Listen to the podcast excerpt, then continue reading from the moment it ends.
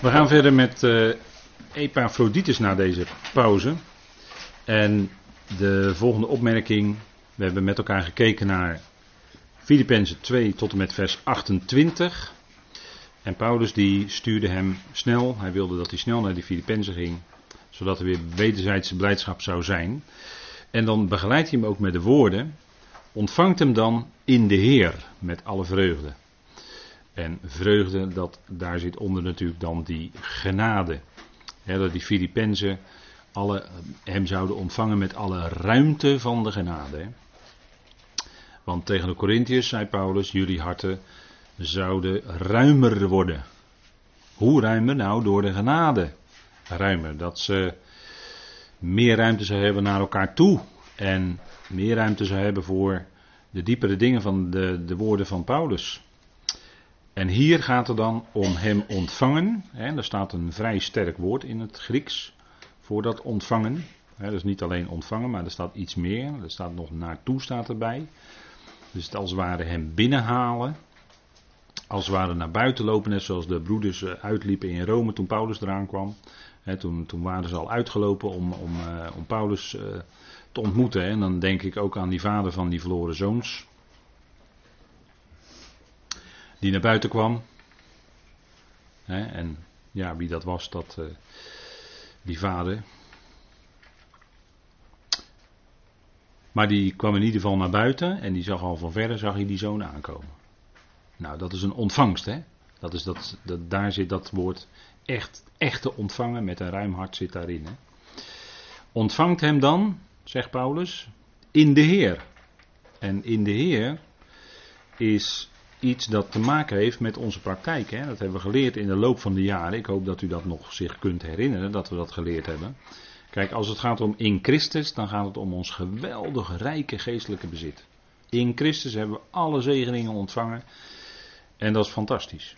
Zijn we zo enorm rijk. Rijker kunnen we niet worden. En we hoeven ons ook niet uit te strekken naar nog meer zegen, want we zijn al gezegend met iedere geestelijke zegen in Christus te midden van de hemelingen. Wat willen we dan nog meer? Dan, hebben we een, dan zijn we schat, hemelrijk.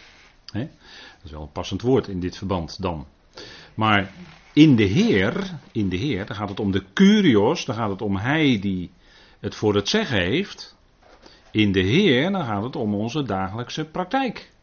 In de Heer wandelen wij. Wij doen ons dienst betonen en dat is in de Heer. Dan hebben we te maken met de Curios. Dan zijn wij dienstbaar en Hij is de Curios. In de Heer hem ontvangen. Op een wijze die met de genade, met die enorme rijkdom aan genade overeenstemt. Ruimte voor het woord. Ruimte voor Epaphroditus, die van Paulus afgezonden werd ruimte voor het evangelie van Paulus, laat ik het maar zo zeggen. dat is eh, met alle vreugde. Dat is werkelijk ruimte geven. En, en uh, in, in de tijd, waar Paulus tijdens zijn leven ervoerde hij het, dat niet op alle plaatsen waar hij geweest was, dat er nog langer ruimte was voor hem en zijn evangelie. Vooral voor zijn evangelie niet meer. En dus voor de boodschapper ook niet. Dat hebben we met de gelaten brief natuurlijk al uitgebreid gezien dan komen er andere dingen en dan wordt die genade wordt dus teruggedrongen, wordt weggedrongen, wordt weggeduwd. Maar hier gaat het om, ontvangt nou die Epaphroditus in de Heer met, en dus met alle vreugde en dus ook met genade. Alle ruimte die maar mogelijk is en met dat respect wat zo'n medewerker, zo'n medesoldaat, geestelijk gezien respect, dan in, in, in de meest geestelijke positieve zin, met genade. En kijk, want die Epaphroditus, er wordt iets van gezegd. Er wordt iets van gezegd, hè. Uh, vers 28.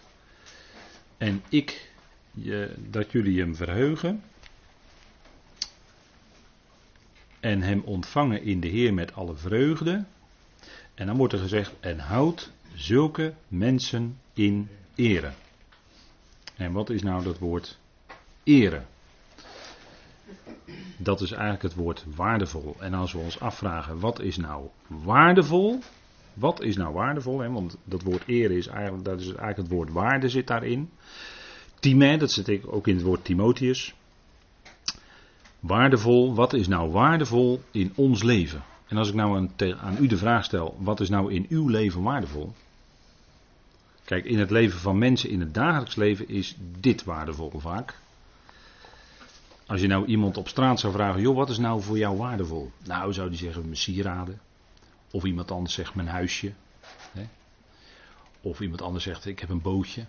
Of iemand anders zegt, ik heb een autootje. Dat is voor mij allemaal waardevol. Dat kan je wel eens bij mensen zien, hè. Die eh, stoppen daar heel veel tijd en inspanning en geld in. Dat is voor hen waardevol. Kan. Dat is denk ik heel herkenbaar in onze materialistische maatschappij. Dat, uh, dat allitereert ook nog trouwens. En dan hier een maatschappelijke positie. Kan je ook waardevol vinden. Hè? Kan je heel bezig zijn met uh, hoge opleiding, carrière maken, zo hoog mogelijk op die maatschappelijke ladder komen. En oh, oh, oh, als er dan wat gebeurt. Want dan heb je dan toch, je, dat is voor jou enorm waardevol. Dat jij aanzien hebt. Dat andere mensen jou bekijken van, oh ja, dat jij eigenlijk zoiets hebt van, nou kijk mij eens, ik heb toch wel wat bereikt in het leven. Ja, nou, dat kan heel waardevol voor je zijn. Zo zijn mensen bezig. Dat kom je tegen. Of, en dat is misschien, komt het voor ons wat dichterbij, de schriften. Dat is waardevol. Is dat nou waardevol in uw leven? De schriften. En dan bedoel ik echt waardevol. Heeft dat nou voor u echt waarde? sommigen die. Uh, ja, dan denk je, ja, het zijn gelovigen. Ja, ja, maar als je nou één keer per week net een half uurtje volhoudt om te luisteren naar iets uit het woord. En de rest van de week helemaal, uh, kom je daar helemaal niet om, ben je er totaal niet mee bezig, maar al met allemaal honderdduizend andere dingen. Dan denk ik van, is dan die schrift waardevol voor jou als gelovige? want als gelovige dan wordt er toch iets in je gewekt. Het verlangen, honger naar dat voedsel uit het woord, denk ik. Zo is het bij mij wel gegaan. Vanaf het moment dat ik tot geloof kwam, had ik honger naar het woord. En, en, en dat is altijd doorgegaan. En, en kijk, die schriften, dat is uh, de inleiding van de Concordant Literal Version, daar staat de opmerking. Uh, de scriptures, hè, de schriften, zijn ons meest, zijn voor de, is voor de mensheid eigenlijk het meest waardevolle bezit. Alleen het wordt door heel veel mensen niet op waarde geschat. Maar zo is het. De schriften, als we praten over een tastbaar bezit, dat is voor de mensheid het meest waardevolle bezit wat er is. En al het andere is, ja, wat mij betreft staat dat er ver onder. Is, is minder waardevol in ieder geval. dus wat heeft voor ons nou waarde in ons leven? Zijn dat die schriften of zijn dat allerlei andere dingen? Ik heb maar een greep gedaan, want er kunnen natuurlijk allerlei andere dingen ook belangrijk zijn en die, die wij waardevol vinden. Maar wat staat nou bovenaan? Dat bedoel ik. Wat staat nou bovenaan in ons leven? Ja, dan kan je wel eens afvragen zo. Ik denk van, nou, misschien is het goed om die vraag te stellen. En hier gaat het om, ontvang dan hem in de Heer met alle vreugde en houd zulke mensen in ere. Is het dan zo dat Paulus bedoelt dat je een mens op een voetstuk moet zetten? Nee, natuurlijk niet. Wilde Paulus zelf ook niet. Maar we zouden wel als gelovigen waarderen, hè, en dat is met die Epaphroditus zeker zo, waarderen wat diegene uh, heeft kunnen doen. En natuurlijk is dat genade, wat, wat, die, wat zo iemand kan doen in de dienst van de Heer want uh, zonder zijn kracht en zonder dat hij dat geeft, uh, gaat het allemaal niet. Maar we zouden wel, als het gaat om uh, in de praktijk hoe je dan omgaat met zo'n medewerker, met zo'n medesoldaat, Epaphroditus. Hou dat nou in waarde. Er zit het woord eren, dan is het zo snel van, dan zien we iemand op een sokkel staan en dat willen we helemaal niet en dat is terecht. Maar het gaat erom, het grondbegrip is hier waarde. Acht zulke mensen dan schat zulke mensen dan op de juiste waarde. Dat zit, uh, dat zit er een beetje in. Hè? En uh, dat is ook wat Paulus uh, zegt in die bekende tekst van 1 Timotheus 5, hè, waar het gaat om de oudsten die uitstekend voorstaan. Daarvan zegt de apostel, die zouden we waardig achten met dubbele, eer staat er dan in de vertaling, maar eigenlijk staat er dat woord waarde, met dubbele waarde. En dan citeert Paulus uit de schrift, uit de wet notabene, uit de Torah, je zult een dorsende os niet muilbanden. dat stond in de Torah. de, de, de os die daar, u ziet dat op dat plaatje, de os die daar dan uh, aan de dorsen is, door die poten gaan dan al die korrels eruit enzovoort, maar die mochten ze niet muilbannen, want die mocht daar zelf van eten. Van, van dat werk. En de arbeider is zijn loon waard, zegt Paulus. Als, en dan haalt hij dus bij aan dat we zouden, oudsten die uitstekend tevoor staan, zouden we dubbele waarde achten. Hè? En dat is gewoon een stukje dan praktijk voor ons als gelovigen onderling, hè, onder elkaar. Ja, dat zijn niet mijn woorden, dit is natuurlijk uit 1 Timotheus 5. Ik bedoel, dat, dat is wat we aanhalen. En zo spreekt Paulus, eh, gebruikt Paulus dat woord waarde. En zo was Epaphroditus, was dus een enorm waardevol iemand in de dienst van de Heer. Net zoals Paulus van waarde was, net zoals een Timotheus van waarde was. En dat zouden we wel onderkennen. En, en uh, op zijn minst voor uh, zulken, die er ook in onze tijd zijn, voor zulken in ieder geval bidden. Ik hoop dat u dat doet. dat u voor mensen die, die zich in de gemeente inspannen, op, op welke manier dan ook, uh, dat u daarvoor bidt. Dat, en, en dan is het zo dat je, ja, je wil, en dan wil je ook ondersteunen, maar het, het geheim van gebed is natuurlijk dat jij verandert met jouw gebed niet die ander, maar je verandert zelf. Dat is natuurlijk het punt van gebed. Hè? Dat is eigenlijk het geheim van gebed, hè, om het zo maar te zeggen. Nou, als je nou voor die ander bidt, dan verandert jouw houding naar die ander toe. En dat werkt hoor, dat werkt ook in het dagelijks leven. Als je het moeilijk hebt met die collega of die chef of die uh, buurman of die buurvrouw of uh, die uh, weet ik wie, wie je tegenkomt. Als je daar moeilijk mee hebt, nou ga ervoor bidden. En dan zul je zien dat jij verandert.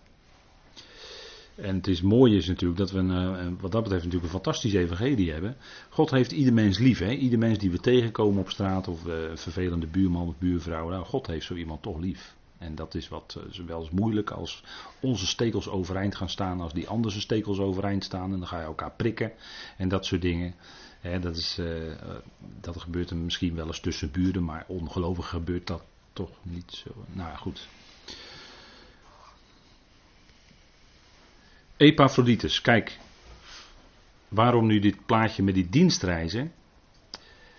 Kijk, Epaphroditus, dit is uh, een dia die ik ook bij Timotheus zo, zo heb uh, gebruikt. En daar heb ik opgezet, Timotheus deed alles zonder murmureren en tegenspreken. Want kijk, die Filippenzen, kennelijk was dat toch een puntje. Hè? Paulus moet een paar dingetjes toch tegen ze zeggen. Hij doet het onder andere in 2 vers 14. Daar zegt hij tegen de Filippenzen: doet alles zonder gemor en doorredeneringen. Nou, dat woord gemor, hè, is wat, wat we wel eens aanhalen, dat is dat murmureren. Dat moeilijke woord, hè, wat we maar moeilijk kunnen uitspreken. Nou, dat is ook precies wat het is.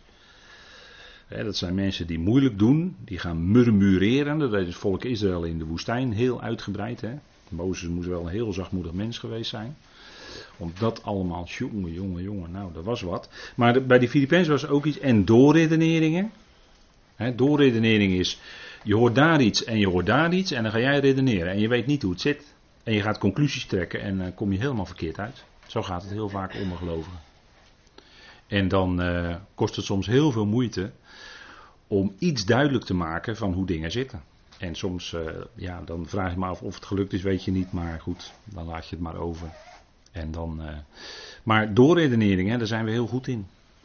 Want we, we, wij denken van heel snel van 1 plus 1 is 2, dus het zal wel zo zitten. Maar weet je dan ook echt hoe het zit? Weet je dan ook echt hoe het zit? Wees maar voorzichtig hoor, wees maar voorzichtig. Kijk, zo'n Epaphroditus was iemand die werd gezonden door Paulus en hij ging. En er staat er niet, dus ik ga ervan uit dat hij dan dat deed zonder murmureren en tegenspreken. Dat hij niet eerst uitgebreid overleg wilde, en dat het uh, hier te kort en daar te lang, en uh, kan het niet beter zus, of moet het niet beter zo, of moet hij beter dat, hè, bij een, uh, bij een klein, heel klein opdrachtje wat hij krijgt. Ja, je hebt, dat kom je soms tegen. Maar Epaphroditus, die deed het gewoon, die deed gewoon, er werd tegen hem gezegd van joh, wil jij nou dat of dat doen? En dat, dat zei Paulus echt niet op een bazige manier tegen hem, maar joh, Epaphroditus, wil jij dat of dat doen? Ja, zegt even, ik ga. Een ootmoedige houding. Zonder murmureren en tegenspreken. Hij deed gewoon wat er gevraagd werd. En dat is ook gewoon in een normale werksituatie. Dat zeg ik wel eens vaker. je, gewoon je dagelijkse werk. Waar, waar, je, waar je dan voor betaald wordt. elke dag. Eh, als je nou eens gewoon begint met gewoon je werk te doen. In plaats van eerst die grote tetter opentrekken. Dat het allemaal anders moet. Maar doe nou eerst dus gewoon je werk.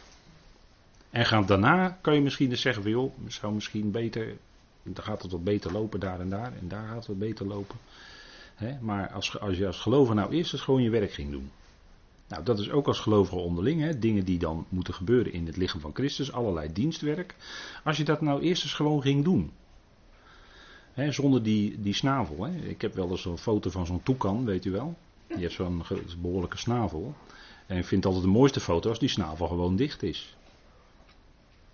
Maar dat, dat, dan, dan lopen dingen gewoon goed. En dat is met Epaphroditus en Timotheus en Aristarchus. En dat waren allemaal van die medewerkers, daar kon Paulus gewoon van op aan.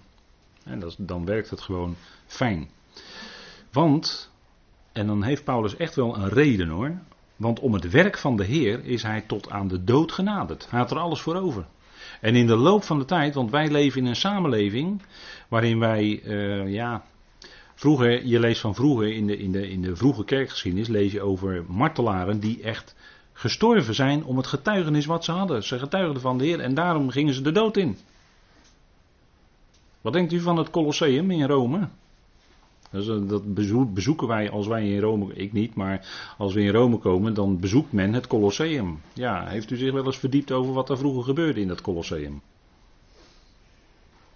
Dat is waar ik het nu over heb. Daar werden christenen, werden gelovigen, werden gedood. Zo'n plek was dat. Nou, dat gebeurde ook met die Epaphroditus. Hij is tot om het werk, let op, om het werk van de Heer, hè. Dat was niet wat hij zelf zocht, nee, het werk van de Heer. Is hij tot aan de dood genaderd?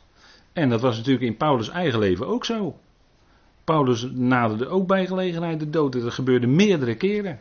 Schipbreuk geleden. De tweede Korinthebrief spreekt hier ook over in het eerste hoofdstuk. Hè, dat hij enorme zware druk had, zodat hij zelfs dacht dat hij erbij zou sterven. Maar God was hem genadig. En, en dat gebeurt, hè. En wat denkt u ervan? Dat mensen voor, voor de Bijbel, hè, dat mensen de Bijbel weer op tafel wilden leggen, dat ze daarom gedood zijn. Dat is nog niet eens zo heel erg lang geleden hoor. Hè, dat ze Gods woord weer, weer onder de mensen wilden brengen, dat ze daarom ter dood gebracht werden. Wat denkt u ervan? Nou, zo'n Epaphroditus, die is om het werk van de Heer bij de dood gekomen zelfs. Dat kostte hem bijna zijn leven. Kijk, en dan zegt Paulus: nee, wacht even. Zo iemand, Filippenzen, zo iemand, die zou je met alle waardering en respect in jullie midden ontvangen. Met alle ruimte, met alle genade, met alle vreugde. dat, hij, dat om dat woord, om dat evangelie zo ver is gegaan. Ja, dat is niet niks. En, en uh, hij zegt, Paulus zegt dan, zijn ziel riskerend, hè? Zijn ziel riskerend. Hij heeft als ware een, een uh, ja, er zit bijna, uh, een uitlegger die zei, er zit bijna het woord in van, van gokken, hè? Dat, dat zit daar bijna tegenaan. He, maar hij heeft iets, kennelijk heeft hij iets gedaan waarbij hij zoveel risico nam, maar het was voor het werk van de Heer, dat, dat, dat, ja, dat bijna zijn leven, zijn ziel kostte opdat hij wat jullie ontbreekt aan dienstbetoon naar mij toe volmaakt. Zegt Paulus dan. Hè? Dus zover ging dat in het leven van Epaphroditus. En wij leven natuurlijk in de maatschappij. Ja, wij, hebben gewoon een luxe leven. We hebben eigen huis en uh, eigen tuin en noem maar op. Hè? We hebben alle, alle bezit die we maar wensen. We hebben alles tot onze beschikking. We kunnen zomaar iets bestellen. Het wordt de volgende dag bezorgd. En we kunnen het weer zomaar terugsturen. En uh, noem alles maar op. Hè? Zo in zo'n maatschappij leven wij. En hebben we het nou moeilijk? Ja, nou ja, soms denk ik, we hebben het eigenlijk wel erg makkelijk. als, ik, als ik lees bijvoorbeeld in, in Timotheus dat uh, alle die in Christus Jezus godvruchtig willen leven, die zullen vervolgd worden. Dan denk ik wel eens aan. Ja. En soms denk ik ook wel, ja. Ja. Maar kijk, Paulus, die, die ervoerde het ook in zijn leven. Hè? Die overkwam heel wat. En dan denk ik van, ja, vaak wordt een christenleven voorgesteld als als je nou christen wordt, dan, eh, dan uh, zal het je goed gaan. En bedoelen ze ook naar de vlezen goed gaan. Hè? Maar als ik nou in het leven van Paulus kijk, 2 Korinthe 11, hè, want we hebben het hier over zijn ziel riskerend, hè, dat, hij, dat hij dicht bij de dood kwam, die Epaphroditus. Hè, dat was wat. Maar als we nou eens kijken in, in 2 eh, Korinthe 11, als we dat eens kijken, ik haal dat al sprekend wel eens aan, maar laat het nou ook eens een keer lezen. Hè, 1 Korinthe 11. Zegt Paulus, en dan stelt hij allemaal vragen, zoals hij dat zo vaak deed aan de Corinthiërs, van denk eens na, Corinthiërs, beoordelen jullie zelf wat ik zeg, hè, zo op die manier.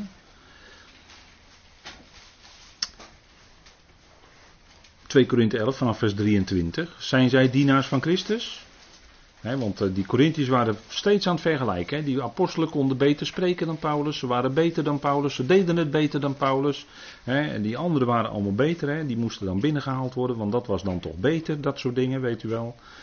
zijn zij dienaars van Christus? Ik spreek al zo waanzinnig. Ik sta boven hen. In ingespannen arbeid veel vaker. In slagen boven mate. In gevangenissen veel vaker. Vaak in doodsgevaar. Van de Joden heb ik vijfmaal de 40 min 1 slagen ontvangen. Staat in de wet, hè? 40 min 1 staat in de wet, hè? Driemaal ben ik met de roede gegezeld. En denk erom dat het niet misselijk was hoor. Geeselen. Moet u maar eens opzoeken. Zoekt u het maar eens op Wikipedia.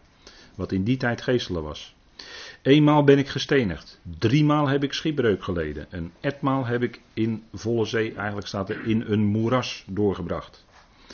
Op reis was ik in gevaar door rivieren, in gevaar door rovers, in gevaar van de kant van volksgenoten, in gevaar van de kant van heidenen, in gevaar in de stad, in gevaar in de woestijn, in gevaar op zee, in gevaar onder valse broeders. Daar hebben, hebben ze weer, hè, die valse broeders. Maar dat was gevaarlijk voor Paulus. Zelfs. In inspanning en moeite, vaak in nachten zonder slaap. In honger en dorst. Vaak in vasten, in koude en naaktheid. Afgezien van wat er van buitenaf komt, overvalt mij de dagelijkse zorg voor alle gemeenten. Als iemand zwak is, zou ik dan omwille van hem niet zwak zijn. Struikelt iemand, zou ik dan niet branden. Als er geroemd moet worden, dan zal ik roemen in mijn zwakheid. De God en Vader van onze Heer Jezus Christus, die te prijs is tot in eeuwigheid, weet dat ik niet lieg. Nou, dat noemt Paulus wat op, hè. En dan wordt er wel eens voorgesteld dat een, het leven van een christen of van een gelovige, dat van een leien dakje afgaat. Ik, ik, ik, heb het niet over die, uh, over dat, weet ik, ik had het laatst over zo'n vliegtuig, hè. Dat kostte nogal wat. Nou, dat, is, dat staat diametraal op wat hier staat, hè. hè. Paulus, in al die omstandigheden, Paulus nam daar genoeg mee. Al had hij naar de mens gesproken tekort. Hij nam daar genoegen mee. En al was er tijden dat hij naar de mens gesproken wat meer had, was het ook goed. Maar hij wist dat zijn God en Vader het in alles uitwerkte. En ook zou uitwerken ten goede. en, en hij had heel wat natuurlijk dan redenen die hier opzomt. Om zich zorgen te maken. En toch kon hij het aan de Vader overlaten. Dat, daar spreekt hij over. Daar gaan we natuurlijk in de toekomst nog aan toekomen. Misschien in Filippenzen 4 spreekt hij. Over gebed. Hè? Gebed en geen zorgen maken. Dat is, dat, is, een heel belangrijk punt natuurlijk. En, en als mens, ja, dan zegt u ja, maar ik ben mens en toch maak ik me zorgen. Ja, zeker, dat herken ik ook. Maar niettemin hebben we toch dat uitzicht en dat, dat zicht dat vader het in zijn hand heeft. En dat vader het uitwerkt ten goede, uiteindelijk. En dat stond bij Paulus natuurlijk bovenaan. Hè? Maar als je zo'n leven dan zo hier even leest, hè, wat hem allemaal overkwam, dan denk ik van nou, wat hebben wij er dan makkelijk. Wij dan een simpel leventje zeg als gelovigen. Oh. Dat, is, dat is een contrast, dat is een verschil. Maar dat is allemaal heeft hij ondergaan in het evangelie. En dat werd ook bij zijn aanvang gezegd toen Ananias dat uh, tegen hem zei. Ik zal je tonen hoeveel je moet lijden ter wille van mijn naam. Nou, dat lezen we dan hier terug. Het lijden. Geestelijk lijden. Lichamelijk lijden. Lijden in de ziel. Aan alle kanten heeft hij het meegemaakt. Dat is heel wat. En uh, dat zoiets wordt ook gezegd van uh, Prisca en Aquila. Want dat was niet alleen uh, Epaphroditus, maar ook die tent, waren tentenmakers geloof ik, hè, Prisca en Aquila. Dat lijkt wel heel mooi. De Romeinen 16, zo ook even met elkaar lezen. Priscilla en Aquila. Dat waren ook tentenmakers. Net als Paulus. En dat is natuurlijk heel mooi, heel tekenend dat je tent is natuurlijk vergelijking met ons, ons uh, zwakheid van ons lichaam, hè, het aardse lichaam. De tent, dat is de tent, woning waarin wij wonen, die wordt afgebroken, die is zwak en we zijn hier maar tijdelijk. Dus daar spreekt een tent allemaal van. Hè. Abraham woonde ook in tenten. Hij had wel de stad met fundamenten gezien, maar hij woonde in tenten. We zijn niet maar tijdelijk en het leven uh, is vaak niet helemaal niet makkelijk. Lezen is vaak heel moeilijk en met tegenslag en, en noem maar op. Hè? Nou, Pris Priscilla en Aquila, Romeinen 16. Groet Priscilla en Aquila, mijn medearbeiders in Christus Jezus. Kijk eens aan. Zij hebben voor mijn leven hun hals gewaagd. Niet alleen ben ik hun dankbaar, maar ook alle gemeenten van de natieën. Groet ook de gemeente bij hen aan huis. Dat is ik ook een huissamenkomst. Groet mijn geliefde Epenetus, die de eersteling is voor Christus van Achaïe. Dus ook hier, hè, Priscilla en Aquila, zij hebben voor mijn leven hun hals gewaagd. Hè. Dus die zijn zelfs zo ver gegaan dat ze voor Paulus, en natuurlijk voor zijn evangelie, ook hun leven op het spel gezet hebben. Net als een Epaphroditus. En Paulus zelf ook meerdere keren. Nou, dat is heel wat. Hè. Ik vind dat heel wat. En ik denk dat, dat, uh, dat het leven van zo'n Epaphroditus. Als, je, als je dit allemaal van hem leest. Wat voor iemand dat dan was. Ja, dat het toch spreekt hè, van een. Uh, ook van een ootmoedige houding. Want dat is natuurlijk bij wat in Filippenzen centraal staat. Hè, die, die ootmoedige gezindheid. Uh, dat wij geroepen zijn nu zolang wij hier nog op aarde zijn, uh, ja, in, in een ootmoedige, lage, nederige positie. En dat we zouden dienen. En, en dat andere, dat we met hem zullen zijn in, in heerlijkheid, dat is nog toekomstmuziek. Dat gaat zeker komen, absoluut zeker. Maar dat is nog toekomstmuziek. En tot die tijd is het dienen en zal het misschien vaak moeilijk zijn. En zullen we bij tijd en gelegenheid allemaal een stuk lijden ondervinden. En dat ondervinden we al. En dat hebben we ook al ondervonden. Maar daarom zal des te groter die heerlijkheid zijn die ons straks zal overkomen. En dan zullen we echt verbaasd staan. Daar ben ik zo van overtuigd. Die heerlijkheid hebben we nog geen idee van hoe groot dat is. Maar het zal ons deel zijn en dan, dan zal alles ook op de juiste plaats gaan vallen. En vragen die we hebben kunnen we aan de Heer stellen en daar krijgen we antwoord op. Zeker, zeker. We hebben allemaal nog zo onze vragen. Maar die kunnen we aan de Heer stellen en dan zal Hij dan antwoord op geven. Daar ben ik diep van overtuigd. dat op alle vragen uiteindelijk toch een antwoord komt. Maar wat we zeker weten is, uh, ons zijn hier en onze toekomst, dat is net zo zeker, onze toekomst met Hem boven. Tot zover vanavond.